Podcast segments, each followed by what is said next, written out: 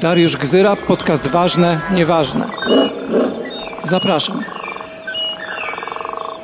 Cześć, dzień dobry, dobry wieczór. Nie wiem, co tam komu będzie pasowało akurat, więc wracamy do formuły dialogicznej podcastu Ważne, Nieważne. Mam dzisiaj gościa. Witaj Adamie. Cześć. Za chwilę cię przedstawię.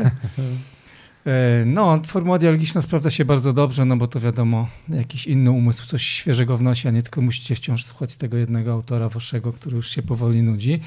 Ale zanim cię dokładnie, e, Adamie, przedstawię, bo tutaj mógłbym bardzo długo o tobie oczywiście opowiadać, to chcę ci przypomnieć sierpień 2016. To był moment, kiedy byliśmy razem na spotkaniu Emancypacja Zwierząt, to się nazywało. Pamiętasz tak, tak, tak, tak. To było takie spotkanie w Tarabuku, który miał jeszcze wtedy inną lokalizację niż później. E, no to taka mobilna była ta, ta mhm. impreza związana z Tarabukiem. W każdym razie to było jedno z takich spotkań zwyczajowych w sumie o książkach prozwierzęcych, właśnie o książce Emancypacja zwierząt. Pamiętam, że Agnieszka Trześniewska i Dariusz Piechota, właśnie redaktorzy tej książki byli. No i ja jako jeden z autorów, bo to była taka monografia wieloautorska, jak to się mówi czyli po prostu poszczególni autorzy mieli po jednym rozdziale. No taka typowa akademicka rzecz, powiedziałbym. Spotkanie prowadził Marcin Norliński, no a ty zadawałeś pytania, pamiętam.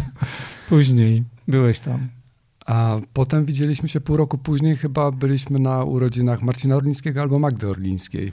I wtedy tak. mieliśmy szansę chwilę, chwilę, chwilę dłużej porozmawiać. A później to już poleciało, powiedziałbym tak, że e, jakoś tak, ja sobie bardzo cenię te wszystkie rozmowy z tobą i spotkania i w ogóle znajomość.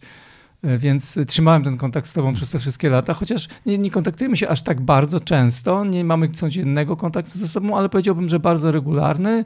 Od na pół roku. Tak, spotykamy się na kawie, pogaduszki są, ale też zawodowo kilka rzeczy razem robiliśmy. Przecież współpracowaliśmy w ramach marginesów, z którymi jesteś związany, wydawnictwo Marginesy, o tym zaraz opowiemy. No bo przecież pisałem swego czasu do książki Petera Singera Wyzwolenie zwierząt przed mowę, więc trochę było przy tym pracy. Jeszcze jakieś blerby do książek, coś tam, coś tam. Zawsze były jakieś okazje do zawodowych też, jakichś tam interakcji pomiędzy nami.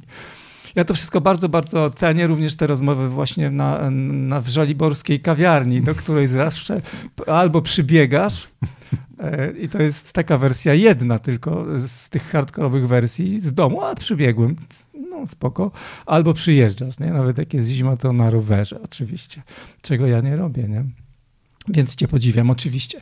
Dobra, chcę powiedzieć kilka rzeczy o tobie, bo lista jest długa, muszę to jakoś skrócić, w ogóle to jest zawsze niezręczne tak przedstawiać. Ale okej, okay. E, poeta, prozaik, tłumacz, redaktor, to mi się wszystko układa, po prostu robi w słowach. I tak jak patrzę na tych wszystkich e, moich gości i moje gościnie z poprzednich odcinków, to wszyscy robią w słowach nie wiem, co ja mam z tymi słowotwórcami i robotnikami słowa, ale jesteś następny. Autor kilku tomów wierszy, prozy, nominowany do paszportu polityki, a za ostatnią książkę poetycką Zestaw do Besztań do Nagrody Literackiej Gdynia oraz Wrocławskiej Nagrody Poetyckiej Silesius, ale ja tak sobie jeszcze przejrzałem ciebie, Adamie, w internecie i mówię, Jezu, tych nagród to tam było więcej trochę. Troszkę mi się tutaj skromnie e, przedstawiłeś, bo prosiłem cię, żebyś wybrał, nie? Z tych, ale... ale uznałem, że wszystko to, co jest Dużo. starsze niż powiedzmy 8 lat, to już nie ma znaczenia. Daj spokój, tych nagród tam żeś nałykał tyle, że ho, ho. Ale to jest dla mnie w sumie e, jednak gdzieś z boku, bo jak rozmawiać o kwestiach prozwierzęcych, to podkreśliłbym bardzo to, co robiłeś w ramach pracy redakcyjnej mhm. już w wydawnictwach. Czyli to są te dwie duże segmenty twojego, dwa duże segmenty twojego życia. To, co robiłeś w wydawnictwie WAB, Chyba w 2011 stamtąd odesz, odszedłeś? Nie, nie, odszedłem trochę później, w, w 13, wtedy 13, kiedy, okay. tak, tak, bo od, od Y, bo od 14 roku pracuję w, w marginesach. Okej, okay, no ale to już jest jednak kilka lat. Ale ta historia w, w UAB to, to była też historia kilkuletnia i tam stworzyłeś całą serię wydawniczą, taką mm -hmm. około zwierzęcą czy około przyrodniczą, mógłbym też powiedzieć, która się nazywała Biosfera. Pamiętam kilka książek z tej serii, oczywiście nie wszystkie czytałem, to bym przesadził, gdybym powiedział, że wszystko przeczytałem, ale na pewno pamiętam na przykład Marka Rolandsa Filozofii Wilk, to chyba w ramach tego wyszło. Tak, i to jedna z tych książek, która się lepiej sprzedawała wtedy. Tak, tak, ja lubiłem tę książkę wtedy, pamiętam, że nawet audiobooka sobie słuchałem. A później przeszedłeś do Marginesu, z którym jesteś związany cały czas, czyli mniej więcej od, od 2.14, nie? Do teraz. Tak, żeby było śmiesznie od 1 kwietnia. No, no super. No ale robisz tam e, wspaniałą robotę po prostu. Tak jak stworzyłeś całą serię w WAB, czyli ożywiłeś w ogóle cały, cały wymiar prozwierzęcy czy międzygatunkowy wydawnictwa, to samo zrobiłeś po prostu w marginesach. Wszedłeś tam z, z przytupem, stworzyłeś e, całą serię Eko, serię wydawniczą, w której znowu powstało przecież tych tytułów od groma i ciut ciut. Nawet policzyłem, to 23. No, wiesz, dzięki. 23 w jednym i w tamtym pewnie z 20 czy kilkanaście. Tych, z tych biosfery nie liczyłem, no ale tam no ładne kilkanaście. Łącznie kilkadziesiąt książek dzięki tobie prozwierzęcych. No niezwykła zupełnie postać. No. E, no ale już jesteś teraz w marginesach kierownikiem redakcji, więc już jesteś taki dobrze zadomowiony. No i tutaj dodam oczywiście, że jesteś e, warszawianinem, warszawiakiem, żoliborzaninem. Mieszkasz z żoną na Żoliborzu i trzema kotami, czyli kociarz. Dobra, to też jest ważne. To, to nie było takie proste, bo zanim, zanim osiadłem, znaczy, to jest myślę też etap przejściowy, bo jakby mamy plan jednak wynieść się na wieś. Mhm. Kupiliśmy sobie jakiś czas temu przed ustawą o obrocie ziemi rolnej, tuż przed tym jak ta ustawa weszła mhm. w życie. Kupiliśmy sobie niecałe 5 hektarów na początku Polesia, e, przepraszam, nie Polesia, tylko po, między Drohiczynem a Siemiatyczami, dosłownie, dosłownie mhm. po środku. E, taką, taką przestrzeń i, e, no i będziemy się budować za jakiś czas, więc myślę, że chciałbym tam przed 50 już się przenieść. Mhm. No życzę ci tego, jeśli tego chcesz, chociaż A, jeszcze właśnie, bo w międzyczasie, w międzyczasie tak, znaczy jestem, z urodzenia jestem Zabrzeninem, okay. w międzyczasie jeszcze e, Kraków? był Kraków przez 5 lat, potem już Warszawa od, od chyba szóstego roku. No i maratończyk, ultramaratończyk. No to jest to przybieganie do, do żoliborskiej kawiarni.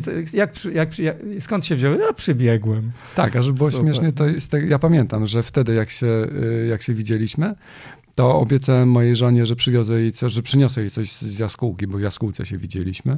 Jeśli to jest kryptoreklama, to będę jak najbardziej podkreślał, że jest to o, wegańska wegański knajpa. biznes może być. E, I ja jej kupiłem obiad i go musiałem jakby w ręce, jak biegłem, za, za zanieść, więc to też było śmiesznie, jakby to był taki okay. trudniejszy quest, w, w, przywiezienie żonie obiadu.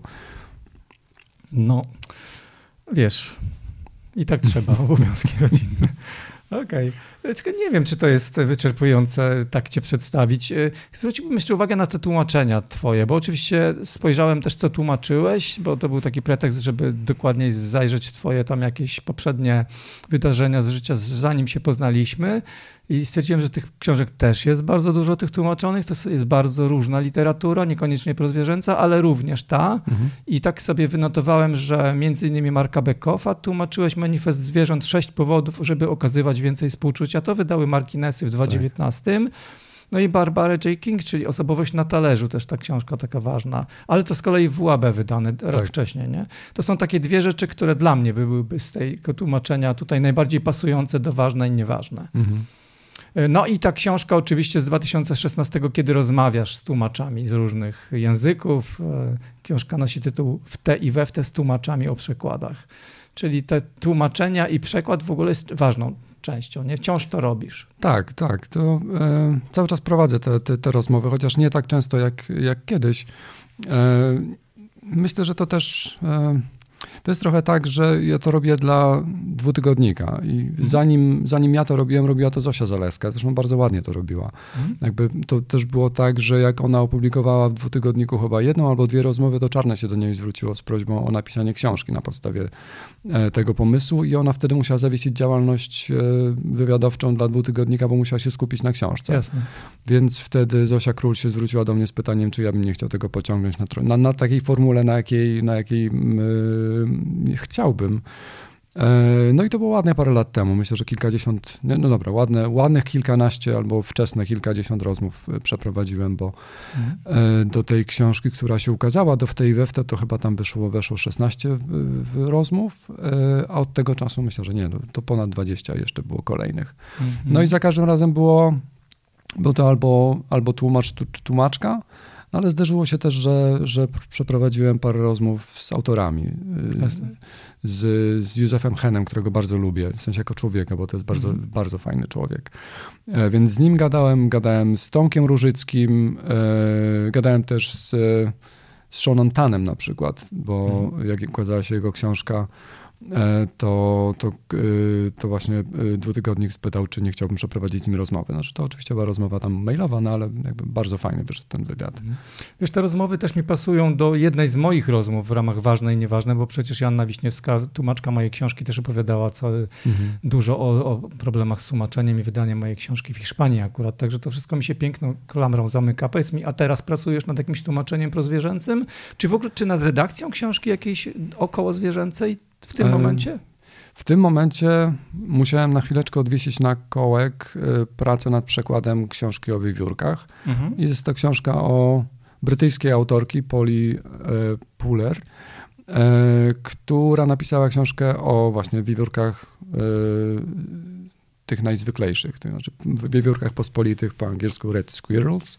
Mhm. I ona napisała tę książkę między innymi po to, żeby przedstawić zagrożony gatunek w Wielkiej Brytanii, jakim jest wiewiórka y, y, zwyczajna, e, ponieważ jakby wchodzi ekspansywnie wiewiórka szara. Jakby to jest też taki trochę hołd dla, dla zwierząt, które e, mogą zniknąć, e, przynajmniej na Wyspach Brytyjskich, tak jak, tak jak te piękne i kolorowe papugi w, w parkach kensingtońskich wypierają inne zwierzęta, bo są po prostu gatunkiem ekspansywnym.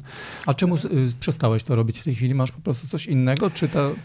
Tak, to znaczy wskoczyła mi redakcja, po pierwsze wskoczyła mi redakcja książki nie około zwierzęcej, mhm. ale e, ponieważ od wielu lat przyjaźnię się i znam z Maćkiem Świerkockim, który lubi jak redaguje jego przekłady, więc siedzę mhm. w tej chwili nad, e, nad jego przekładem e, książki Józefa Konrada.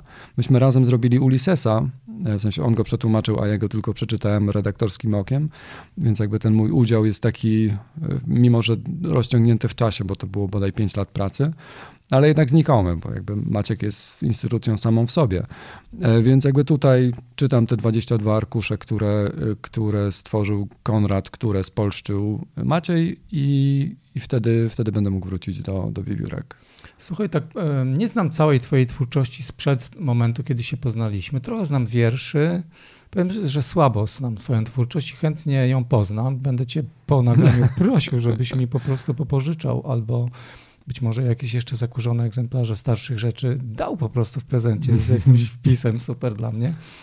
E, chciałbym to poznać. Te wiersze, które znam, bardzo lubię i tam też są wątki zwierzęce, mhm. na przykład ten o, o zoo w Bagdadzie i o tych tygrysach, które tam czy znaczy Myślę, że dotarłeś do, do najciekawszego tak naprawdę, bo... E, ja też nie lubię za bardzo gadać o tym, o tym, co pisałem kiedyś, bo to były duperele, znaczy to nie miało żadnego znaczenia. Mhm. W sensie moja pierwsza książka, Sprawa z lewa, była całkiem fajna, nawet z perspektywy tych 30 lat. No ile mam teraz? No tam niecałych 30 lat. E, to ona, znaczy tam kilka wierszy, że tak powiem, e, przetrwało próbę czasu, no ale jak mhm. na 40 wierszy, że tam pod dwoma bym się jeszcze podpisał, to nie jest jakieś super osiągnięcie. Mm. A potem miałem taki okres pisania byle czego i wydawania też byle czego, mimo że tam właśnie były jakieś nagrody, tam y, moja druga książka zdobyła nagrodę y, Tyskiej Zimy Poetyckiej, y, ale ja nie jestem przywiązany do tej książki. Znaczy ona jest, jest zabawna, natomiast ona nie waży zupełnie. Wiesz, dlaczego ja próbuję zajrzeć w tamten czas, y, który tutaj umniejszasz i jakby trochę się od tego już dystansujesz. A, kiedy ja się to... zmieniło. Nie, nie, chcę znaleźć ten moment, kiedy zwierzęta zaczęły być tak ważne dla ciebie w słowie pisanym, nie? To znaczy, bo później jako redaktor, jako tłumacz to już jakby widzę, że jest to zainteresowanie naprawdę no, wysoko. Ja ci mogę trochę... dokładnie, dokładnie powiedzieć. No kiedy, był ten moment? Listopad, Jakaś książka? Co listopad 2006 roku. Kiedy Dlaczego tak dokładnie to wtedy kota łysego. A, czyli konkretne to, zwierzę. To był tak, bo ja mm, nie powiem, żeby całe życie było, były zwierzęta wokół mnie. Jak byłem mały, to mieliśmy psa. Ojciec miał papugi, a potem długo, długo, długo nic, ponieważ jak e, pies, e, mówka zmarła, to tata też nie on to tak mocno przeżył, że on jakby nie chciał się angażować emocjonalnie w kolejny związek ze zwierzęciem i, e, i przez długie lata e, aktywnie zabraniał. W sensie jakby mhm. doprowadzał do tego, że, że pewnie gdyby go postawić pod murem, to, to by się zgodził, natomiast jakby aktywnie odmówił, że nie. Okay. E, I tylko jakby sprawa się skupiała na, na zwierzętach, do których on się przywiązywał w znikomym stopniu, czyli właśnie albo to była papuga, albo to był szczygieł, albo kanarek, już nie pamiętam, no ale to jakby to były takie, e, że powiem, drobiazgi, które, z którymi on nie wchodził w bliższe relacje, ponieważ jakby to nie, nie jest taka zasada wzajemności, jak w przypadku choćby ssaków którychkolwiek. Więc długie lata właśnie mieliśmy posłuchę, jeśli o to chodzi. Jak ja się wyprowadziłem w 2000 roku z domu, to rodzice, znaczy w zasadzie mama wzięła kota ze schroniska i nie pytała ojca o zdanie. I jakby to była Kizia, która, która z nimi była długie lata, ale to był też taki, jak ja przyjeżdżałem do rodziców, no to po prostu ona tam była. Ona też nie była jakaś super interaktywna. Mhm. Więc owszem, przyjaźniliśmy się, ona lubiła się, lubiła się łasić, ale była bardzo osobnym kotem. Um, a potem, jak się przeprowadziłem do Warszawy i zamieszkałem w Warszawie, to poznałem Łysego. Łysy to był kot Joanny Weiss, e, który, e, który w zasadzie on mnie wychował. On mi pokazał, co jest w życiu najważniejsze. I tak naprawdę od tego się zaczęło. Nagle się okazało, że, e, że ja nie jestem najważniejszy na świecie. Znaczy to, co mi się wydawało, że jestem pępkiem świata, znaczy tak jak każdemu się wydaje, że jest pępkiem świata, to ja zrozumiałem, że nie jestem. Jakby przed sobą, przed sobą, e, sam przed sobą zrozumiałem, że że on jest najważniejszy. On zresztą mnie wybrał, to znaczy on uznał, że, że ze mną chce mieć jak takie bardzo silne reakcje, mimo relacje, mimo że spędził z Joanną no, wiele lat, bo on też był takim kotem, który po prostu przyszedł. A łysy dlatego, że jak przyszedł, to był łysy, miał jakąś grzybicę y, skóry i tam y, Joanna z mamą go smarowały nizoralem, jemu to sierść odrosła, no ale imię zostało. No i łysy właśnie pokazał mi, że najpierw jest on, potem jest głaskanie łysego, potem jest miska łysego, potem jest długo, długo, długo, długo nic, potem ewentualnie inne zwierzęta, na przykład geiger, którego też mieliśmy e, i bardzo, bardzo daleko gdzieś tam e, jestem ja.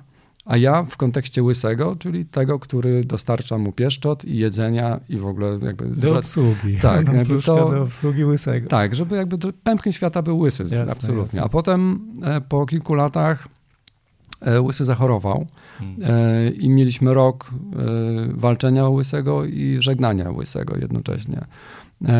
I no i w zasadzie to była taka kropka nad i, jakby wtedy zrozumiałem, że w zasadzie jestem w stanie poświęcić wszystko dla niego. E, I w międzyczasie to był, to był taki, znaczy Łysy to był pierwszy i najważniejszy punkt, a potem było, e, była książka Esther Wolfson Corvus, Moje życie wśród ptaków. Właśnie chciałem o to zapytać, czy były tam też książki, bo tak, to tak, tak. To ciekawe znaczy... tropy zawsze mm -hmm. dla, dla mnie. Które słowa okazały się sprawcze dla kogo? Bo to była jedna z, też z serii, prawda? Jedna z pierwszych z książek, tak, jedna z pierwszych mhm. książek, które się ukazały, bo tak, to tak. też było trochę z przypadku. Um, nie zakładaliśmy tej serii tak po prostu. Nie, nie było takiego założenia, że, y, że o, zróbmy serię książek o zwierzętach, tylko przekonałem szefów, żeby kupić prawa do, y, do Corvusa na zasadzie to jest bardzo fajna książka. Ona otwiera oczy, jest bardzo interesująca, jest ładnie napisana, zróbmy to. Więc szefowie się zgodzili. A w międzyczasie y, kupiliśmy też prawa do książki Dina Kunca y, o jego Golden Retrieverce. Już nie pamiętam, jaki to książka miała tytuł. W zasadzie nie, Kunc był pierwszy. I to było na takiej zasadzie, że wydajmy taką książkę wysokonakładowego autora, który napisał wzruszającą książkę o swoim psie. E, no, Jest to wiadomo tak. w miarę bezpieczny temat, więc tak. ryzyko I... finansowego nie poniesiemy wielkiego. Tak, ale też nie było super sukcesu, to też bardzo interesujące. Aha. Ten kunt sprzedaje się, czy sprzedawał się bardzo dobrze w jakiejś sferze tych kryminałów albo thrillerów, natomiast jako e, osoba, która pisze o psie, w takim trochę natchnionym stylu, momentami, e, momentami ezoterycznym wręcz, bo on żył w przekonaniu, że ta, ta jego psica była jego aniołem stróżem. Hmm. To, no to właśnie wtedy czytelnicy jakoś nie byli do tego zbytnio przekonani. Fakt, że to też, e, że ta książka ukazała się po wielu latach, kiedy nic się nie ukazywało, albo to były jakieś takie pojedyncze strzały książek o zwierzętach, no bo e, przynajmniej takich e, znaczących, bo wcześniej, nie wiem, paręnaście lat temu ukazał się Heriot, Pod, wcześniej jeszcze ukazywały się książki w ogóle naszych polskich przyrodników, które też, nie wiem, Lech Wilczek, przecież jego albumy o, e, o zwierzętach. W międzyczasie jeszcze był też paskudnie wydany y, jego opowieść o kruku, która, który wydał Bruszyński i spółka. To w zasadzie to była, wyglądała jak broszura. Strasznie brzydka książka, ale bardzo piękna książka o, o, o kruku korasku. Więc myślałem też, że, że wypełni się jakąś lukę, no ale Kunst tej luki nie wypełnił. I właśnie, jakby takim drugim kamieniem, jeśli o mnie chodzi, to był właśnie ten korpus. Raz, że ja przetłumaczyłem tę książkę razem z Joanną, a dwa, że była to książka, która dosłownie otworzyła mi oczy. E, po pierwsze, dlatego, że zacząłem rozróżniać krukowate, bo wcześniej to była dla mnie jedna latająca zgraja czarno, czarnych albo jakichś takich dziwnych ptaków. Nie wiadomo, czy to kruk, czy gawron. Tak. Czy I nagle okazało się, że że rozpoznać je jest bardzo łatwo, rozpoznać ich zachowanie. Tak na zasadzie patrzenia po prostu, co one robią za oknem, jest bardzo łatwe i fascynujące. Mhm. E, I bo sroki łatwo rozpoznać, no ale potem też zdziwienie, że sójka jest krukowatym. No i tak dalej, i tak dalej. Znaczy są, to były takie sprawy, które, mm, które zmieniły w zasadzie postrzeganie świata. Nagle okazało się, że jak już poznałem krukowate, nagle okazało się, że tych ptaków jest po prostu co niemiara w mieście. I że każdy robi coś innego, i że każdy robi coś fascynującego. Ale Adam, tych książek później o ptakach to bardzo dużo. Później, prawda? tak, oczywiście. Później, nie? Tak. To była taka duża fala, wciąż powiedziałbym, że trwa ta fala, chociaż może troszkę przygasła wydawania książek o ptakach. Moim zdaniem, ale to może będzie dla ciebie kontrowersyjne zdanie, to są książki znów takie dosyć bezpieczne, to znaczy mhm. zwykle mają taki sznyt przyrodniczy, te przyrodnicze zawsze są bardziej bezpieczne. One nie wymagają od ludzi specjalnie zmiany ich zachowań codziennych, nie robią rewolucji w niczyim życiu gdzieś tam opowiadają o czymś, co jest trochę znane, a co trochę egzotyczne, tak jak mówiłeś o kruku, mm -hmm. nie? I te książki chyba w miarę dobrze się sprzedawały. Jest dużo takich książek o ptakach, nie? No, a w których przeważnie nie ma kur, nie? no, no nie ma kur, no bo no to tak. jest zupełnie inna opowieść, nie? Która była, była już wtedy opowieścią niebezpieczną, prawda? No tak, ale kury pokazały się, jeśli mówimy o książkach wydanych przez marginesy, ukazały się w dwóch książkach e, Simon Montgomery, to znaczy e, kolejną chyba drugą albo trzecią książką w kolejności, bo pierwsza była Jane Goodall e, i opowieść jakby o, o, o, przyrodzie, tak ogólnie, chociaż ona bardziej skupiła się na, na roślinach. E, to było e, Dobra świnka dobra, Simon Montgomery, opowieść o, o świni, Christopherze Hogwoodzie, która to książka, to też mnie zdziwiło, jak nad nią pracowałem, bo Simon Montgomery zadała bardzo proste pytanie. Ile żyje świnia? I nikt, kogo ona pytała, nie potrafił odpowiedzieć na to pytanie, bo świnia żyje pół roku. Od momentu, kiedy się rodzi, do momentu, kiedy zostanie zarżnięta. Mhm. E, a Hogwood, e, nagrany, znaczy nazwany tak na cześć dyrygenta, którego bardzo lubiła Simon Montgomery, żył z nią bodaj 12 lat.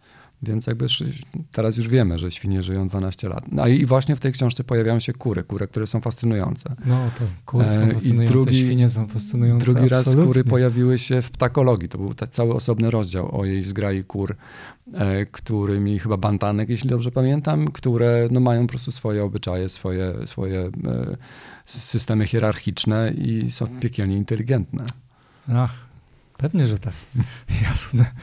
Słuchaj, Adam, ale tak sobie myślę jeszcze, chcę od ciebie spróbować wydobyć um, co jest szczególnego w zajmowaniu się e, książkami okołozwierzęcymi, w sensie redakcji tych książek i tłumaczenia? Czy kiedy, no bo jak ja powiedzieliśmy wcześniej, robisz różne rzeczy, redagujesz mhm. różne książki, tłumaczysz różne rzeczy dla różnych zresztą klientów, no ale masz ten segment swój okołozwierzęcy. Dlaczego akurat do tego segmentu zaglądasz? Czy to jest jakieś specyficzne tłumaczenie, czy specyficzna redakcja, czy twoje serce po prostu inaczej bije wtedy? Co tam się dzieje w ogóle? Lubisz to szczególnie? Chyba tak, to znaczy to jest raz, że dowiaduję się o nowych nowych rzeczy. Ja się lubię dowiadywać nowych rzeczy, zwłaszcza o zwierzętach, ponieważ zwierzęta są strasznie, znaczy są znacznie bardziej interesujące od ludzi. To znaczy. Mm, o, czekaj, zapiszę sobie. No. ja wolę zwierzęta od ludzi.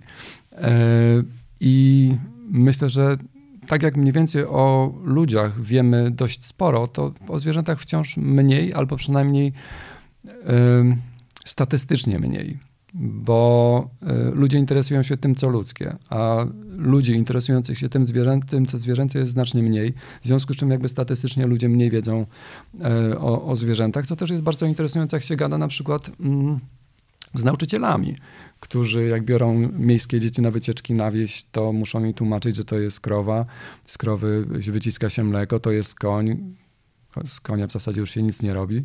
E, no ale jakby to są, to są jakby te zwierzęta, które, o których się no nie wie, jak się mieszka, mieszka w, dajmy na to w Warszawie. Bo jeszcze, nie wiem, 30-40 lat temu jeszcze można było na obrzeżach gdzieś, nie wiem, na Bemowie spotkać jakąś krowę albo jakiegoś konia. To znaczy, no dobra, są jeszcze dorożki powiedzmy jakieś, no ale to... Niestety są jeszcze dorożki. No, no ale jakby można oglądać żywe zwierzę. E, a w zasadzie teraz w miastach żyją, żyją ptaki, przeważnie są to gołębie jednak. I tak, to jest w ogóle fajny temat. Nie, nie, nie będziemy w niego się zagłębiać, bo to byśmy musieli osobny odcinek zrobić, ale na, na przykład o Warszawie sprzed wojny, kiedy, jak wyglądało i jak pachniała Warszawa, wiesz, gdzie były w środku, w centrum y, świnie, krowy, konie, było wiele zwierząt. Tak? No tak, no są też te zdjęcia słynne z, nie wiem, z Ursynowa na przykład, jak ktoś na, na balkonie ma, no, no. został przesiedlony właśnie ze wsi na balkonie trzyma konia. Tak, tak, tak. Dobra, słuchaj, e, wiesz, zanim cię tu zaprosiłem, przesłałem ci taką listę książek, którą sobie zrobiłem na własne potrzeby. To jest lista szczególna, ona obejmuje cztery ostatnie lata, 18, 19, 20 i 21, 22, czyli pięć w zasadzie, Boże, co mhm. ja mówię, pięć lat. Wynotowałem sobie, jakie tytuły e, związane ze zwierzętami wówczas były wydane, ale nie każde tytuły związane ze zwierzętami, tylko takie, które posądzałbym, że mogą pomóc w zmianie społecznej na rzecz zwierząt, czy są w jakiś sposób krytyczne wobec współczesnych praktyk i relacji ze zwierzętami. I wiesz co? Stwierdziłem, że cholera jasna, było ich dużo. To znaczy, przez te pięć lat ukazało się no, ponad 50 książek. Tak sobie tutaj wynotowałem 53 dokładnie, mhm. ale dodałbym jeszcze kilka. Także wychodzi mi mniej więcej jedna książka na miesiąc o takim krytycznym charakterze przez ostatnie pięć lat, to stwierdziłem, że to jest bardzo dużo. I co ty o tym sądzisz? E, to jest dużo, zwłaszcza, tylko tak, no jakby trzeba wziąć pod, pod uwagę, e, myślę, że dwie rzeczy, bo jakby to są listy książek, nazwałbym je teoretycznych, e, czyli mm. poruszających jakby, nie wiem, zagadnienia teoretyczne związane z, ze zwierzętami, mm. sytuacją zwierząt, osobowością zwierząt, jakby tymi rzeczami, które, y, że tym, to są te książki, które nie opowiadają o zwierzętach. One jakby mówią zwierzętami, nie wiem, albo próbują mówić językiem zwierząt. Jakby mówią, mówią od środka. Do no tego... nie są to, przerwę ci, nie są to takie książki jak ta o wiewiórce, w sensie, że tak. mamy jedno wybrane zwierzę i opowiadamy o jego naturze, o, przy okazji oczywiście o jego sytuacji, prawda?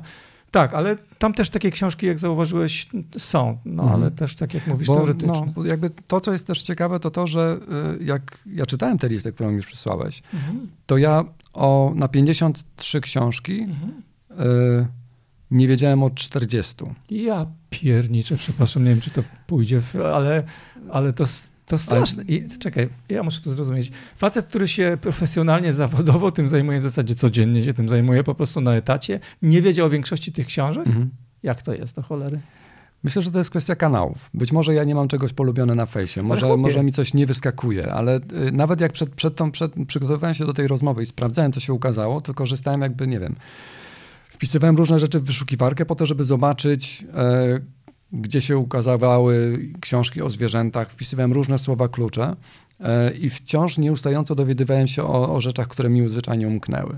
Nie wiem, czy to jest kwestia tego, że ja nie jestem jakoś mocno zaczepiony w jakieś e, kanały na Facebooku na przykład, e, że nie mam polubionych jakichś tam stron, albo że nie dostaję jakichś newsletterów, albo że no nie wiem, no, o książkach uniwersyteckich człowiek w zasadzie nie wiem, jak się dowiaduje. Tak, tutaj znaczy, bym ci okay, odpuścił ten od, segment, no bo od, jest... O wielu rzeczach dowiaduje się od ciebie.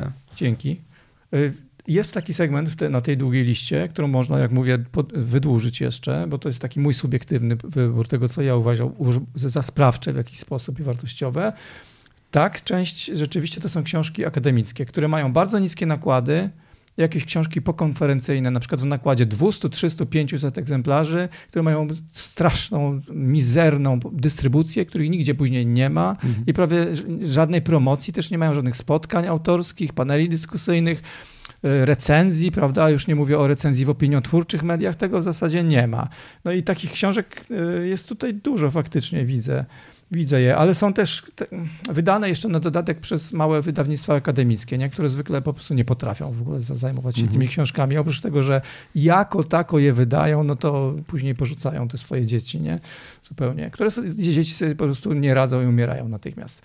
Natomiast są też e, książki wydane w dużych wydawnictwach. To znaczy, no, są marginesy. Mm, to jest, o tym wiem. No, wydawnictwo Katedra też nie jest chyba takim małym wydawnictwem. Jest powiedzmy wyda no, Uniwersytetu Śląskiego, dobra, to będzie ta e, działka akademicka, ale co my tu jeszcze mamy? Czekaj, czekaj, niech ja się... Jest ATUT, jest PWN. E, PWN jest właśnie, no mhm. krytyka polityczna oczywiście tutaj od lat już e, pomaga na pewno. Mhm. Walter Skruwer, no bo to są te książki takie okołoprawne, bardzo ciekawe, Karoliny Kuszlewicz czy Tomasza mhm. Pietrzykowskiego, to są też ważne takie książki w kontekście aktywizmu i prawa współczesnego. Ale jest, widzę, wydawnictwo literackie, Universitas jest, no nie, no wiesz, niektóre są, to są spore, no, spore. To co, nawet, to, to, ale to może tylko o tamtych wiedziałeś? Tych. Nie, by, mogło tak być. To znaczy, bo ja odwróciłbym pytanie, e, skąd ty o nich wiesz? No bo dla mnie to jest w ogóle, wiesz... E, ale nie szpe, szperasz? To znaczy to codziennie tlen, rano budzisz się wciągnął rano na następnej dawki, to bym no bo o wielu rzeczach wiesz, ponieważ ktoś się do ciebie zwrócił na przykład z prośbą o blerba. Nie, no albo... jestem, no tak, część faktycznie wydawnictwo pisze z jakimś egzemplarzem e, e, recenzenckim, albo mm -hmm. z mhm. prośbą o współpracę, albo coś. Ja też to śledzę na bieżąco, bo to jest moja pasja, ja po prostu tym żyję, tak? Czyli mam wszystkie te kanały, o których ty mówisz, że możesz mm -hmm. ich nie mieć, to ja mam je posypskrubowane, E, obserwuję je i robię to regularnie, bo mi to sprawia po prostu satysfakcję. Tak jak komuś, nie wiem, sprawia coś innego. Nie I masz znajomych Sylwię Spurek, na, na, więc wiesz o jej książce. no, tak, tak, tak. No właśnie, część jest wydana własnym sumptem. Mm -hmm. Książka Sylwii Spurek, która się okazała w zeszłym e, roku, ale też jakieś takie wydawane książki przez małe wydawnictwa, na przykład Henry Salt, wydane, do którego pisałem Mm, posłowie, czy wste, słowo wstępne, nie pamiętam, prawa zwierząt, a postęp społeczny, no to wydała Fundacja Dzień Dobry Kolektyw Kultury. Kto słyszał o tej fundacji? Mhm. Ja słyszałem, organizowała konferencję, wydaje książki, ale ogólnie jest to mało znana fundacja, nie? więc takie też są tutaj przypadki. Albo Fundacja Benz Zmiana, no to już bardziej znana powiedzmy, z książką Zoe Polis, budując wspólnotę ludzką, nieludzką. No nie będę czytał tych 53 tytułów, bo to nie ma sensu. Chcę tylko powiedzieć, że jednak się dzieje. Tak, i to jakby też jest interesujące, że to jest, e, że to jest ten jakby segment mm, nie głównonurtowy, bo... Przeważnie tak. Mhm. Bo to, co jest, to, co też się dzieje w, w środowisku wydawniczym, chociaż ten pęd mocno przyhamował i myślę, że pandemia jakby swoje narobiła, ale e, jeśli pamiętasz, co się wydarzyło po tym, jak ukazały się Sekretne życie drzew e, Paula Verhoevena, mhm. E, to nagle okazało się, że e, jakby wybuchł worek z, z sekretami. Z sekretami różnego rodzaju, łącznie z tym, że, że ktoś wydał książkę Sekretne Ja źle to Krów. znoszę, Adam, przepraszam cię. E, źle Ale to jakby to też interesujące, jakby co się, co się wydarzyło. To znaczy, to był bodaj 17 rok. Myśmy seria, powiedzmy, Eko istnieje od 2015 roku. Do tego czasu, jak się ukazały te sekretne życie drzew, myśmy zdążyli wydać, powiedzmy, 4-5 książek. E, a potem nagle się okazało, że wszyscy, wszyscy rzucili się na, na segment zwierzęcy i ukazały się książki albo o pingwinach, albo o mrówkach, albo właśnie o ptakach, ale o ptakach jakiś konkretny, w konkretnym podejściu, albo, no nie wiem, o jakimś gatunku czegoś. Nagle okazało się, że w 2018 roku, jeśli dobrze pamiętam, zwrócił się do mnie Tygodnik Powszechny z prośbą o, bo było tego tak dużo, e, i to po, poprosili mnie przed świętami, żebym napisał przewodnik po książkach około zwierzęcych, tak, żebym, żebym mhm. napisał, co warto czytać. I tak, nagle tak. okazało się, że e, honorarium za napisanie tego artykułu e, przeznaczyłem na kupno tych książek, które, e, które chciałem przybliżyć. Jakby to, to się mniej więcej zrównoważyło. E, to nie były duże pieniądze i to nie było też dużo książek, znaczy książki były wtedy troszkę tańsze. E, I napisałem ten tekst i żeby było ciekawie, jakby nie, nie napisałem, napisałem o kilkunastu, które warto czytać, ale to wciąż był tylko ułamek tego, co się ukazało w, w 18 czy tam 17 roku. Mhm. E, rok później poprosili mnie o taki update, żebym napisał tę te, te, te, książkę, znaczy ten artykuł, tylko to już było do, do, do magazynu Tygodnika Powszechnego. E, I w ciągu tego roku chyba tam się ukazało kolejna, kolejna taka spora, spora e, półka tych, tych książek. Znowu musiałem to wszystko kupić, a potem raz, że przyszła pandemia, a dwa, że te książki przestały się ukazywać, znaczy przestały się ukazywać w takich ilościach. I teraz jakby jesteśmy tak naprawdę, żyjemy, w, ja tak to widzę, jak, jak patrzę na główny nurt, że, że żyjemy w takim e, w etapie schyłku, jeśli chodzi o, o liczbę wydawanych książek o zwierzętach. Tych, tych jakby mainstreamowych, tych takich, które opowiadają o zwierzętach, tych przyrodniczych. Okej, okay, bo tak patrzę na rok 2022 i widzę no 10 pozycji mm -hmm. wybranych, czyli to jeszcze mój, mój standard trzyma, ale jak będzie w 2023 roku, tego nie wiem. To znaczy, chcesz mi powiedzieć, że, że w ogóle książki o takim charakterze krytycznym, troszeczkę bardziej ryzykowne, wymagające dla mm, odbiorcy i odbiorczyni, nie tylko w tym sensie, że pisane może nieco trudniejszym językiem i bardziej specjalistyczne, czy mniej rozrywkowe, ale również w tym sensie, że wymaga, wymagające zmiany w wartościach, przemeblowania mhm. wartości i zmiany zachowań i przekonań, że to się po prostu kompletnie już nie będzie sprzedawać, że nie będzie, nie będzie takiej sytuacji, że że książki naprawdę krytyczne zaczną się, znaczy nie zaczną, tylko będą kontynuowane? Będą ja myślę, że będą nie... kontynuowane, tylko one nie będą na siebie zarabiać. Ale to w jakim trybie można wydać książkę w Polsce, jeśli nie zarabia na siebie, a jednocześnie chce być rewolucyjna? Są różne metody. Jedna to jest y, na zasadzie dotacji, w sensie mhm. dostaje się dotację na, albo jest to, nie wiem, choćby niech to będzie dotacja na sam przekład. I mhm. tak właśnie ukazała się choćby Ewy Meyer książka o, o językach zwierząt. Znakomite. Znaczy dwie książki, bo, bo jedną ukaz wy, wy, wydały Drzazgi, drugą Marginesy. Tak. E, ale jakby to już samo odjęcie kosztów tłumaczenia to jest ogromny, ogromna pomoc dla, dla wydawnictwa. Znaczy oczywiście trzeba wziąć pod uwagę to, że jakby sam druk książki kosztuje jeszcze ileś tam razy tyle, no ale powiedzmy, że to jest te kilka tysięcy mniej, które trzeba wydać na, na przekład. Więc to jest jedna rzecz, czyli dotacje. Zdarza się, że, że jakieś inne instytucje niż e, wspomagające przekłady dają jakieś pieniądze na, nie wiem, albo zwracają e, koszty zaliczki, która zwykle w tych przypadkach nie jest jakoś szczególnie wysoka, albo dotują część, e, część pieniędzy za, za, za nakład, za druk. Albo po prostu jest to twarda dotacja przyznana na przykład przez Ministerstwo Kultury i Dziedzictwa Narodowego, co zdarza się akurat w przypadku, w tym przypadku, czy w przypadku książek zwierzęcych bardzo rzadko. Tak, e, przewiduję, to, że to może być jednak rzadkość? Myślę, że mhm. tak, bo jest to temat kontrowersyjny tak naprawdę z punktu widzenia establishmentu, który w tej chwili mamy. A może być taka sytuacja, że mamy wydawnictwo, które zajmuje się publikacją różnych książek, niektóre na siebie zarabiają, niektóre nie. To jest właśnie ten przypadek, o który, do którego dążyłem, czyli coś, co się nazywa dla honoru domu.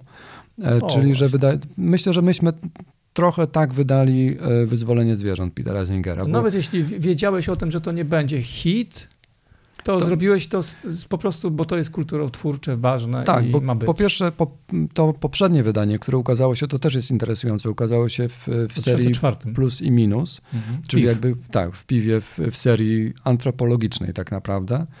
E, ta książka zmieniła się i jakby czasy się też zmieniły, dlatego też prosiłem cię o posłowie, czy mhm. wstęp. E, I sam Zinger napisał od czasu, jak ta książka się ukazała, bodaj trzy posłowia. E, więc tak, jakby to, to, też, ta, ta, książka dynamicznie się tak, tak zmieniała. Tak, Więc myślę, że tak, to znaczy jak ja przekonywałem szefów do tego, e, to mówiłem, że to jest po prostu bardzo ważna książka. E, I że mm, stać nas na to, żeby, żeby ją wydać. Przy czym warto było troszeczkę poprawić pewne rzeczy. Tam jeszcze z tłumaczeniem, też. pamiętam jakieś tam dyskusje robić. Mhm. Mieliśmy. Ale Wiesz, jak Singer znowu tę książkę poprawia i jest następna wersja już prawie gotowa? No ładnie. No, no. No ale jak, y, bo to jakby ta książka, inaczej, jakby marginesy ma taką y, dwie nóżki, jeśli chodzi o książki około zwierzęce. Pierwsza to są opowieści przyrodnicze o zwierzętach, a druga to jest takie y, nie wiem w zasadzie jak to nazwać, ale te, teoretyczne książki o zwierzętach. Mimo, że one nie są do końca teoretyczne, ale jednak są. E, czyli właśnie tutaj ukazał się i Bekow, e, jego manifest, manifest. zwierząt i, i Zinger. Ale chyba Paul Shapiro też z właśnie, czystym mięsem. Właśnie do tego, do tego dążę, że, że jak wydaliśmy Paula Shapiro i jego czyste mięso, to ja byłem pewien, że ta książka odniesie sukces. Nie odniosła? Przepadła. Ja Ja nie wiem dlaczego. To znaczy, jakby to. Że to ciekawa książka, już pomijając jakby te ideologiczne kwestie, które tam są też oczywiście ważne, no bo to jest mhm. część zmiany świata. Shapiro przecież też jest aktywistą, nie tylko bada. No to to było to ciekawe po prostu, żeby się dowiedzieć, tak, co się dzieje Zwłaszcza, w ramach że, technologii tak. żywieniowych, które mają taki ogromny potencjał. Nie? Zwłaszcza, że to, o czym on pisał, w zasadzie, znaczy byliśmy tego świadkami. Znaczy to, o czym on pisał, dzieje się na naszych oczach tak naprawdę.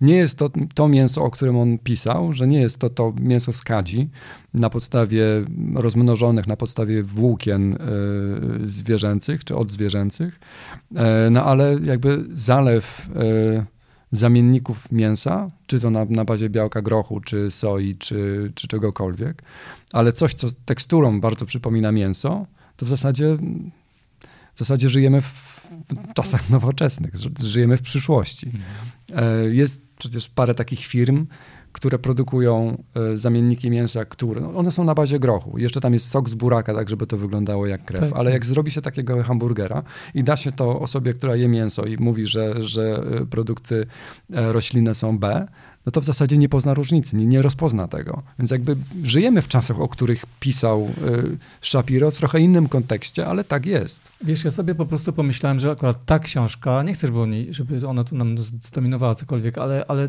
to jest książka, którą może, może przeczytać każdy po prostu, czy osoby, które zainteresowane są po prostu współczesną technologią, czy zmianami wzorów żywienia i tak dalej. Niekoniecznie musi być to propos zwierzęcy aktywista. Ja mam taką, wiesz, ja mam taką hipotezę dotyczącą tego, dlaczego tego typu książki się nie sprzedają Mhm.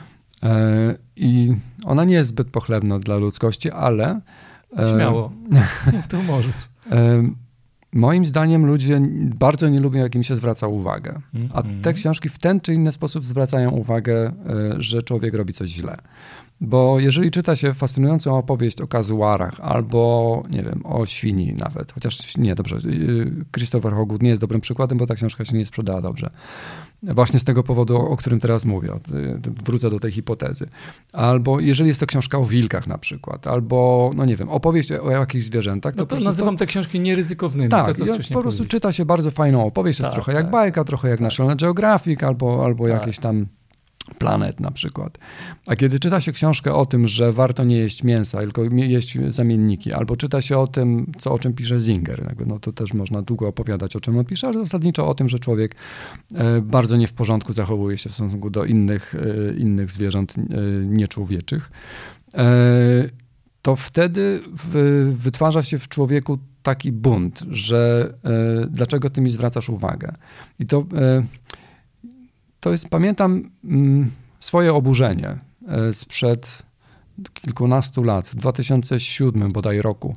Na polach mokotowskich był, e, był zorganizowany taki festyn, w zasadzie nie wiem, ale tam e, tam było parę organizacji. Dzień Ziemi mógł Dzień być, Ziemi, wiesz, tak. po prostu tak. na polach mokotowskich, tak, co roku tak, tak. organizowany. Tam są stoiska różnych NGO-sów i tak dalej. Więc nie pamiętam, w którym to było NGO-sie, ale gdzieś tam były, właśnie podeszliśmy, coś tam gadaliśmy, no i jakby tak zeszło na kwestie żywieniowe i e, ktoś nas zapytał, czy jesteśmy weganami. Powiedzieliśmy, że jesteśmy wegetarianami, tak by w dobrej wierze. No przecież robimy kawał dobrej roboty, bo nie jemy mięsa. I dostaliśmy ochrzan o to, że nie jesteśmy weganami.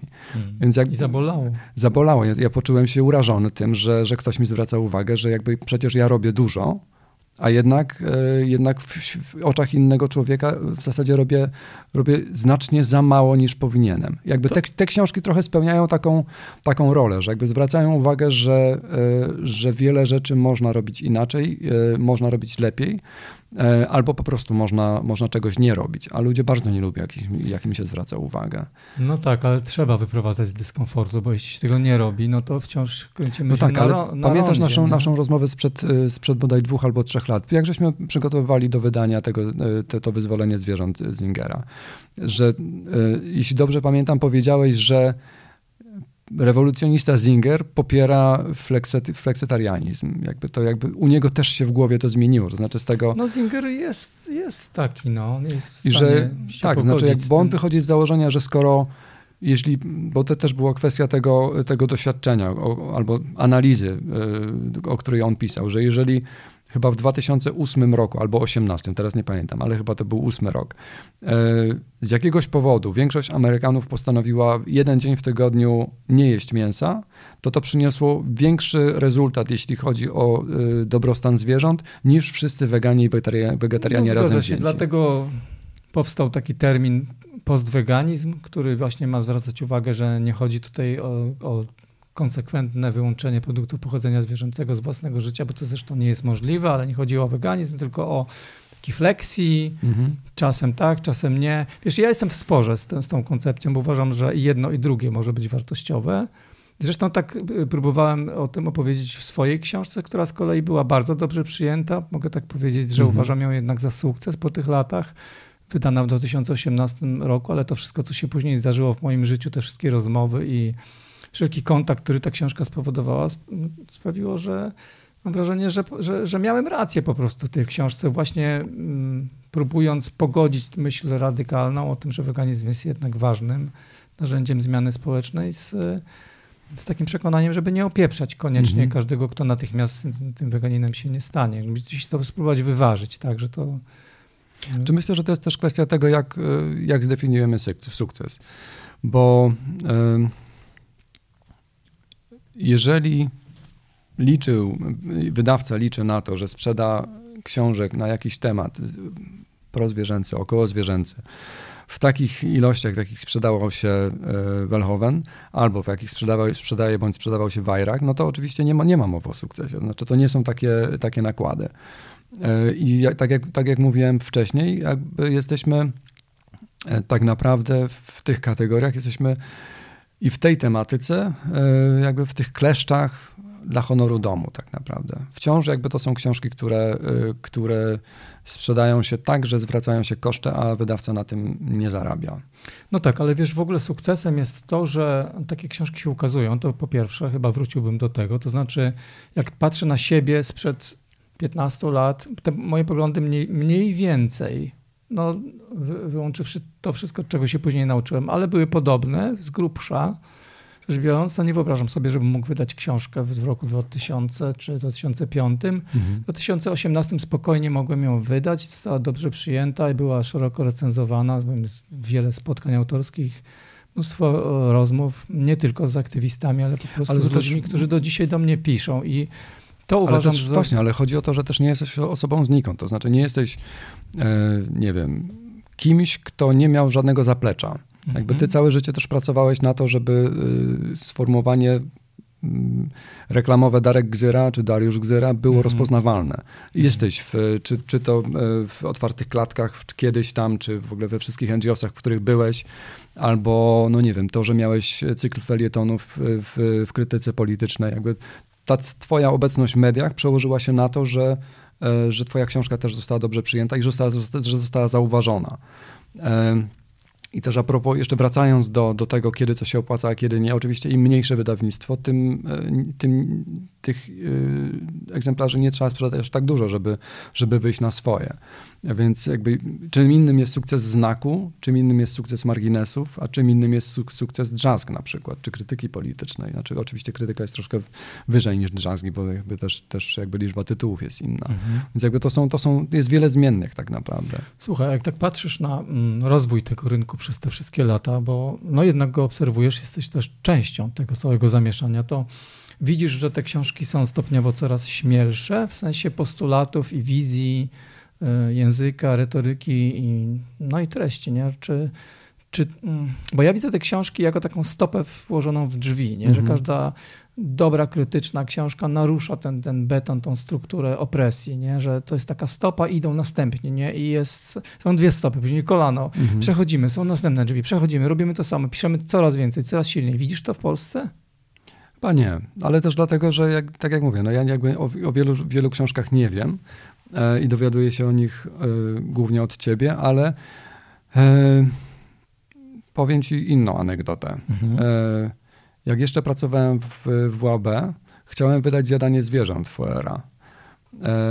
I na spotkaniu z szefami jeden z szefów powiedział, że, że jest to owszem interesująca książka, Natomiast porównanie sytuacji zwierząt do Holokaustu jest niedopuszczalne i on jakby składa absolutne weto. Mhm. Ta książka ukazała się później, w, zresztą w krytyce politycznej. Znaczy, ukazała się znacznie później niż, niż ukazała się w, w Stanach Zjednoczonych. No, ale to powiedzmy było, to też jest, e, to wskazuje też na to, jak ten dyskurs się zmienia. To znaczy, co komu przeszkadza, albo co kogo boli, albo nie wiem, które porównania są, e, są przyjmowalne, albo które nie. Ale z drugiej strony, od tego czasu też ukazało się e, kilka książek, które dosłownie też w tytułach opowiadają o Holokauście zwierząt. Więc jakby ten, ten argument, czy jakby hmm, jakość tego argumentu jakby przeniknęła do, do szerokiego dyskursu. Ja bym chciał, chciałbym widzieć ten ruch, to znaczy, dlatego pytam, bo, bo szukam, szukam tutaj takiej mm, iskierki, nie? żebyś mi to potwierdził, to co chciałbym zobaczyć, że te książki są coraz e, śmielsze. No Sylwia Spurek napisała w miarę mhm. śmiałą mm książkę, tę właśnie, którą wydała własnym sumptem. Są pewne zapowiedzi śmiałych książek, może to jest moment, żeby o nich powiedzieć. Mam trzy takie, które sobie przygotowałem. Pierwsza to jest Karolina Kuszlewicz, która chyba w marginesach coś zapowiada. Tak, ta książka ukaże się u nas. To jest, no zaraz możemy odrobineczkę, tak mhm. szybciutko, mhm. na tyle, na ile czas pozwala o niej wspomnieć, ale jest też zapowiedź książki Karoliny Skowron, to z kolei wydawnictwo krytyki politycznej, książka o próbie połączenia myśli feministycznej z myślą prozwierzęcą. Bardzo potrzebny tytuł w Polsce i, i krytyczny. No i Bartek Sabela dla Czarnego. To podsumowanie jego pracy też felietonowej wcześniej, y, która, która też spodziewam się, że to będzie mocna książka. Nie? Znowu mhm. tam coś do przodu zostanie popchnięte. Więc szukam tych takich elementów, które wyprzedzają swój czas. Tych trudnych, trudnych do wydania książek szukam. Znaczy wiesz, no ja oczywiście potwierdzę ci to, bo myślę, że to też leży w naturze człowieka, że jeżeli jakieś drzwi zostały uchylone, no to one się po prostu będą otwierać coraz szerzej.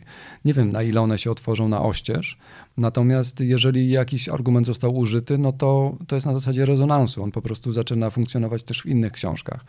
E, więc jakby te książki oczywiście będą coraz odważniejsze i one pewnie będą się ukazywały w tym samym, z tą samą dynamiką, z jaką ukazują się teraz e, i będą rozpoznawalne albo dostrzegane przez czytelników z taką samą intensywnością, z jaką do, dostrzegane są teraz. Więc mhm. myślę, że to się wiele się nie zmieni tak naprawdę. Znaczy, nie potrafię sobie, ale może dlatego, że ja akurat tutaj nie mam zbyt bujnej wyobraźni, ale nie potrafię sobie wyobrazić sytuacji, w której książka około zwierzęca e, staje się narodowym bestsellerem.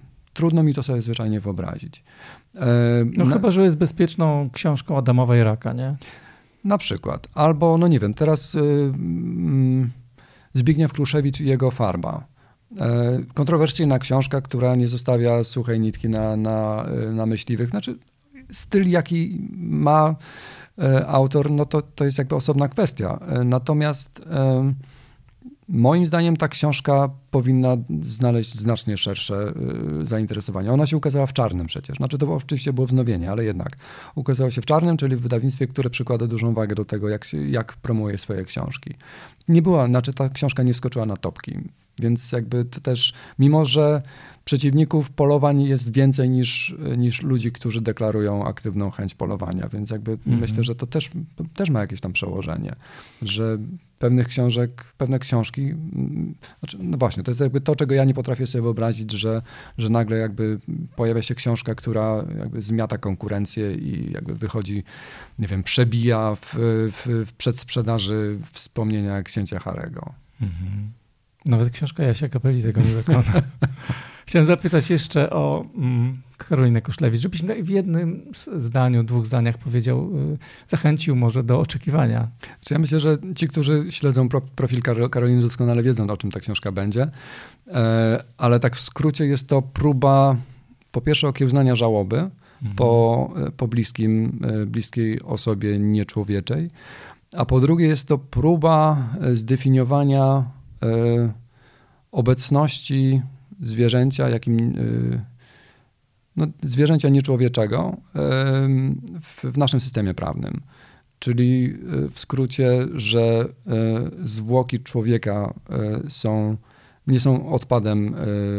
Nie są utylizowane. Nie są utylizowane, nie są mhm. odpadem. Okay. A jakby z chwilą, kiedy zwierzę umiera, jakby przez, traci w ogóle całą, całą swoją godność. To znaczy po prostu znika jako osoba, staje się śmieciem. Więc jakby ona też próbuje to, to opisać, próbuje to zrozumieć, próbuje przedstawić właśnie sytuację prawną zwierząt w, w, naszym systemie prawnym. Bardzo czekam na tę książkę Karoliny. W ogóle jest to fantastyczna postać tego polskiego zamieszania prezwierzęcego.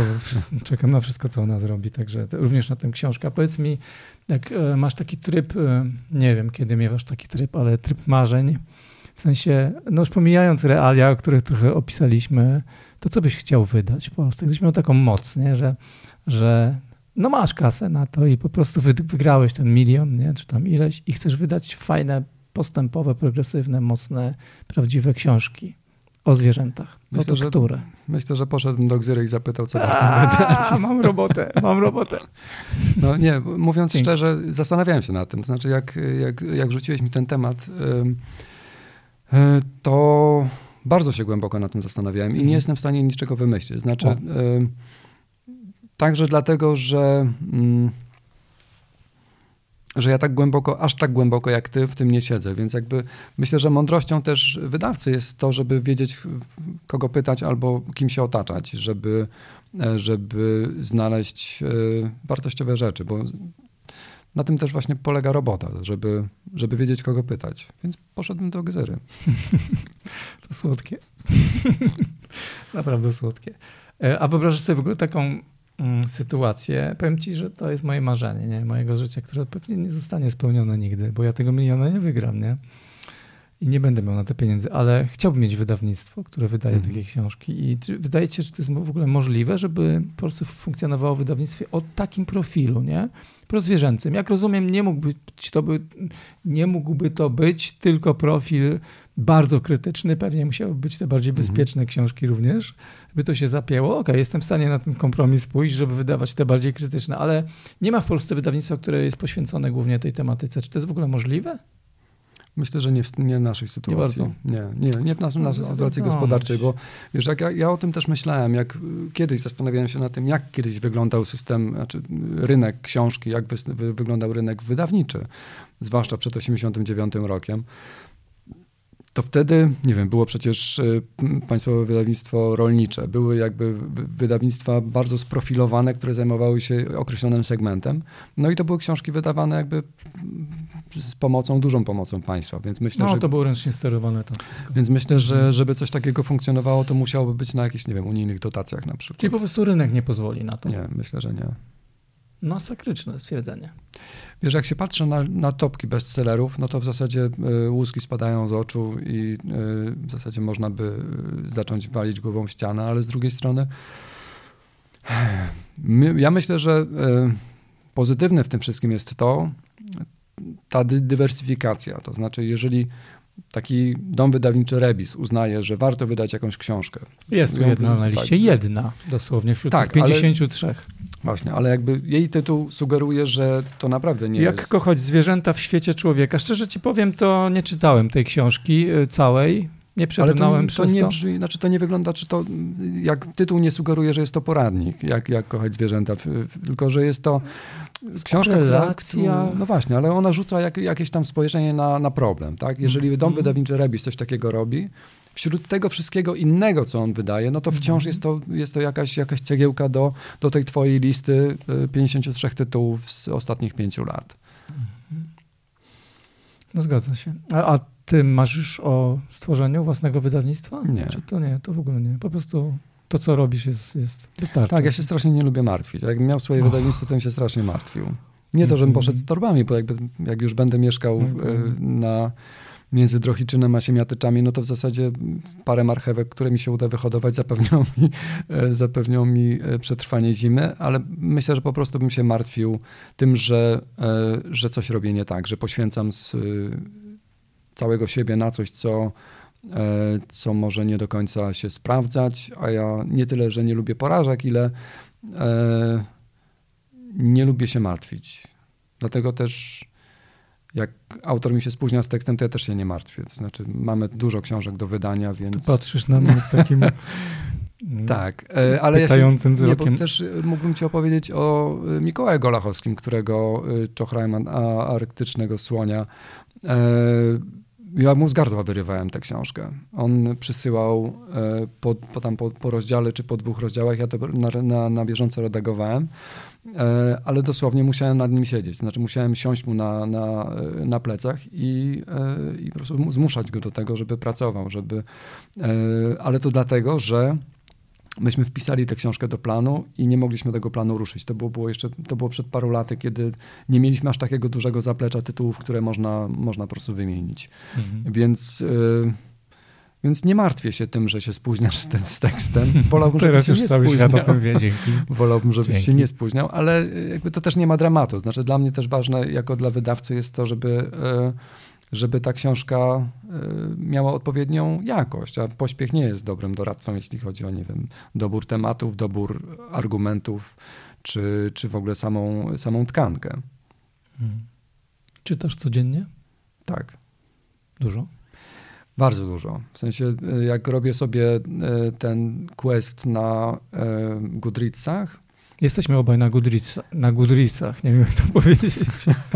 No jak ktoś z was nie jest na Goodreadsach, to chodźcie na Goodreadsy. Tak, czytam rocznie ponad 140 książek. Znaczy czytam albo słucham, ale to jakby jeżeli e, zdarzy mi się, że nie wiem, jestem na jakiejś wyprawie rowerowej, bo to też jest osobny temat, ale tylko rzucę taki temat, że jeżeli jestem na wyprawie rowerowej, żeby zbierać kwadraty i w, w połowie tej wyprawy y, wyładuje mi się y, moja MP3, to jestem zdruzgotany tym, że tracę czas.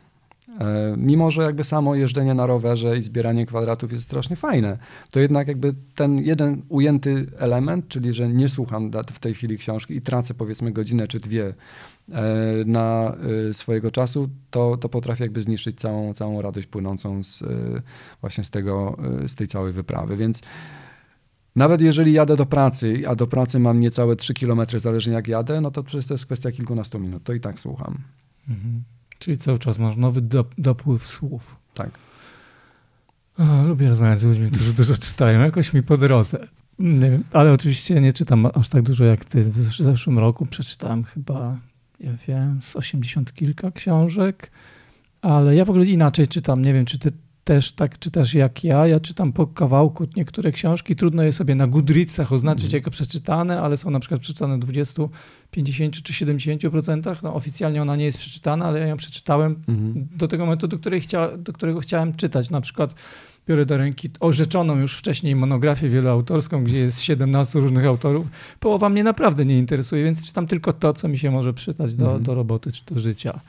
I to ja nie myślę, wiem, czy to jest książka przeczytana, czy nie. Więc te 83 to pewnie trzeba było dodać drugie tyle przeczytanych na tyle, na ile potrzebuje. Nie? Ja bym na to patrzył tak, czy jeżeli jest to książka, której, o której czuję, że jest nieskończona, no to ona nie jest przeczytana. Jeżeli wiem, że do niej nie wrócę, bo jakby nie ma w niej nic, co już co chciałbym poznać, no to znaczy, że można ją spokojnie odfajkować. Mhm. No to ciekawe, to muszę zacząć tak robić. Będę miał lepsze statystyki na Goodreadsach. Okej. Okay. Słuchaj, ale papier czy ekran? Papier. Papier? Papier albo ja też zrobiłem takie, znaczy nie zrobiłem tego doświadczenia, to doświadczenie się okazało po drodze, że ja lepiej pamiętam audiobooki i książki przeczytane w, w papierze niż te przeczytane na tablecie. To znaczy... Ale wiesz, że e ekrany teraz elektroniczne już tak imitują ten papier, że czas czujesz tak, ja, nawet żeby porzucone strony. Żeby, y, żeby jakby nie, nie, nie zawieść tego doświadczenia, które przeprowadzałem w ciągu ostatnich powiedzmy 8 lat, e, to nawet sobie kupiłem taki tablet, który udaje przewracane strony i mogę nawet sobie zmienić, żeby ten papier który czytam, był trochę pożółkły, albo no, żeby no, no. był, nie wiem, czarny na przykład. W sensie, żeby nie, nie raziło mnie w oczy, czytam żonę na przykład, jak ja czytam, a ona już śpi. Mhm. E, no ale wciąż wychodzi na to, że to wszystko, co przeczytałem na Kindlu, wyparowało. To, co przeczytałem po polsku na y, moim drugim tablecie, na tym kolorowym, y, zostało tak mniej więcej w 30%. To, co przeczytałem po angielsku, zostało w 50%. Mhm. I znacznie więcej pamiętam z tego, co wysłuchałem albo przeczytałem w papierze. To też okay. takie. Nie, nie sądziłem, że będę tak dobrze pamiętał, pamiętał audiobooki. To ciekawe. No. I zbierasz ten papier? W mhm. sensie kupujesz? Kupuję, tak. I Czy też biblioteki? nie, nie, e, rzadko korzystam z bibliotek. Znaczy ja mam taką, ja mam tendencję chomika i ona, Mhm. ona się przejawia w różnych e, aspektach mojego życia. Albo były to medale, albo były to statuetki różnego rodzaju. Medale związane z, Z bieganiem, tak. maratonami, ultramaratonami. Tak. E, Potem e, jakby przestałem już zapisywać się na różnego rodzaju zawody, bo stwierdziłem, że już nie mam gdzie tych medali trzymać. Potem właśnie wjechały kwadraty, one są wirtualne, więc O tych jakby- kwadratach jeszcze na koniec, dobra, bo tu nikt nie rozumie, o czym ty mówisz. Ja, a to wrócimy do tego, dokończ. E, I też zbierałem książki. I przy okazji przeprowadzki teraz, którą mieliśmy, okazało się, że wielu tych książek już nie potrzebuję, więc Mhm. znaliśmy taką fundację, która zajmuje się wyposażaniem biblioteki ośrodka dla dzieci i młodzieży e, z domów e, zastępczych albo tych, które wchodzą w nowe życie po domu zastępczym albo po domu dziecka. E, I po prostu zadzwoniliśmy do nich, e, przyjechali, zabrali po prostu furgon książek, których. których Po albo- pluszce. tak, z eksilibrisami pluszki. No. E, I wciąż nie mieścimy się na półkach. Więc Hmm. e, to jest trochę tak, że e, jak skończę czytać książkę, to kładę ją na, na półce i mniej więcej po paru miesiącach zastanawiam się, czy to jest książka, do której jeszcze kiedykolwiek czuję, że będę wracał. Nie mówię tu o książkach, nie wiem, antologiach wierszy albo w ogóle wierszach jako takich, bo one się po prostu przydają.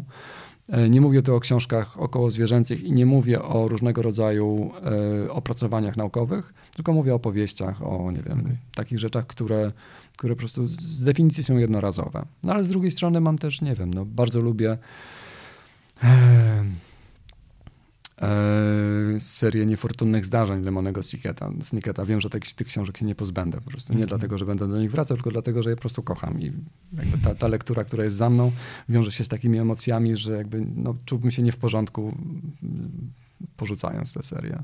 Mhm. Uśmiecham się, patrzę na ciebie i naprawdę mówię, lubię te nasze rozmowy, Jezu, lubię je.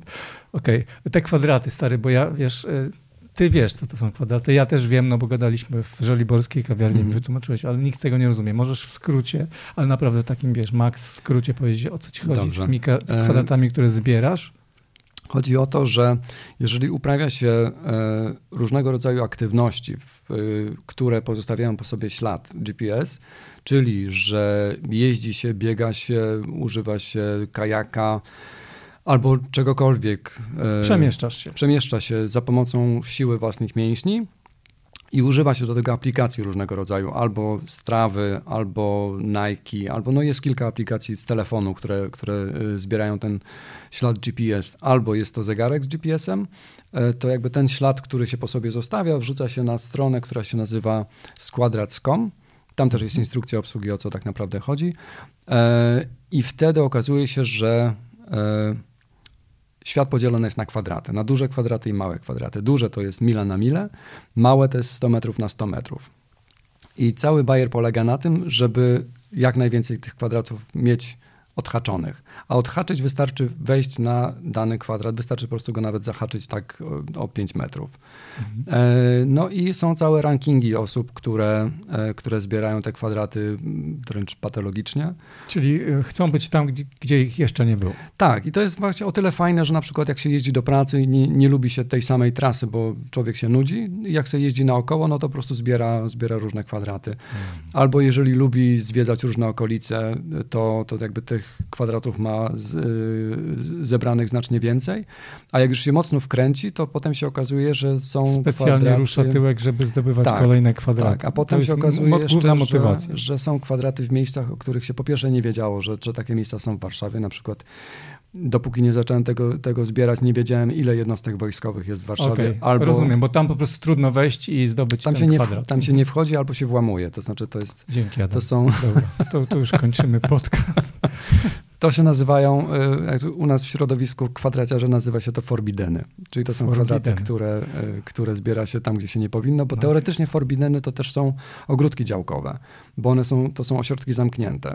Y, No ale jakby, no nie wiem, no, jak człowiekowi zależy, no to przecież żaden płot nie jest straszny. Poza No. tym nie robi się żadnej krzywdy, tylko wystarczy, znaczy tam się po prostu wchodzi. No jak ci taki żołnierz ma na celowniku i pyta, co ty robisz? No kwadraty zbieram, co pan? No, znaczy są tam Nie? różne rozmowy ze strażnikami, albo z cieciami różnego rodzaju, albo po prostu z ludźmi, którzy, którzy gdzieś tam stoją i, i się zastanawiają. E, Czasem gonią, czasem rozumieją. E, Jeszcze nie, nie było tak, żeby, żeby stała mi się krzywda. Chociaż słyszałem historię, nawet znam tego chłopaka, który jest z Białołęki e, i wziął sobie za punkt honoru, żeby całą Białołękę mieć okwadratowaną, tylko problem polegał na tym, że na Białołęce jest areszt śledczy.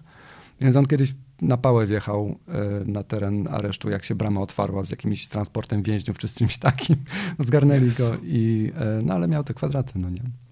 Brońcie Panie Boże, żeby ci się krzywda stała, Adam. Nigdy tego nie rób, bo będę tęsknił. Dzięki wielkie za to, Bardzo dziękuję. że przyszedłeś. Dla was wszystkich jeszcze y, taka informacja, chociaż w sumie nie wiem, czy ja powinienem po- podawać tę informację, no bo to i tak się zdarzy. To znaczy chcę tę listę 53 pozycji, może nawet ją jeszcze uzupełnię, po prostu opublikować gdzieś, żebyście zobaczyli, o których książkach myślałem jako o tych istotnych od roku 2018 do 2022. Zobaczycie, to jest mój wybór.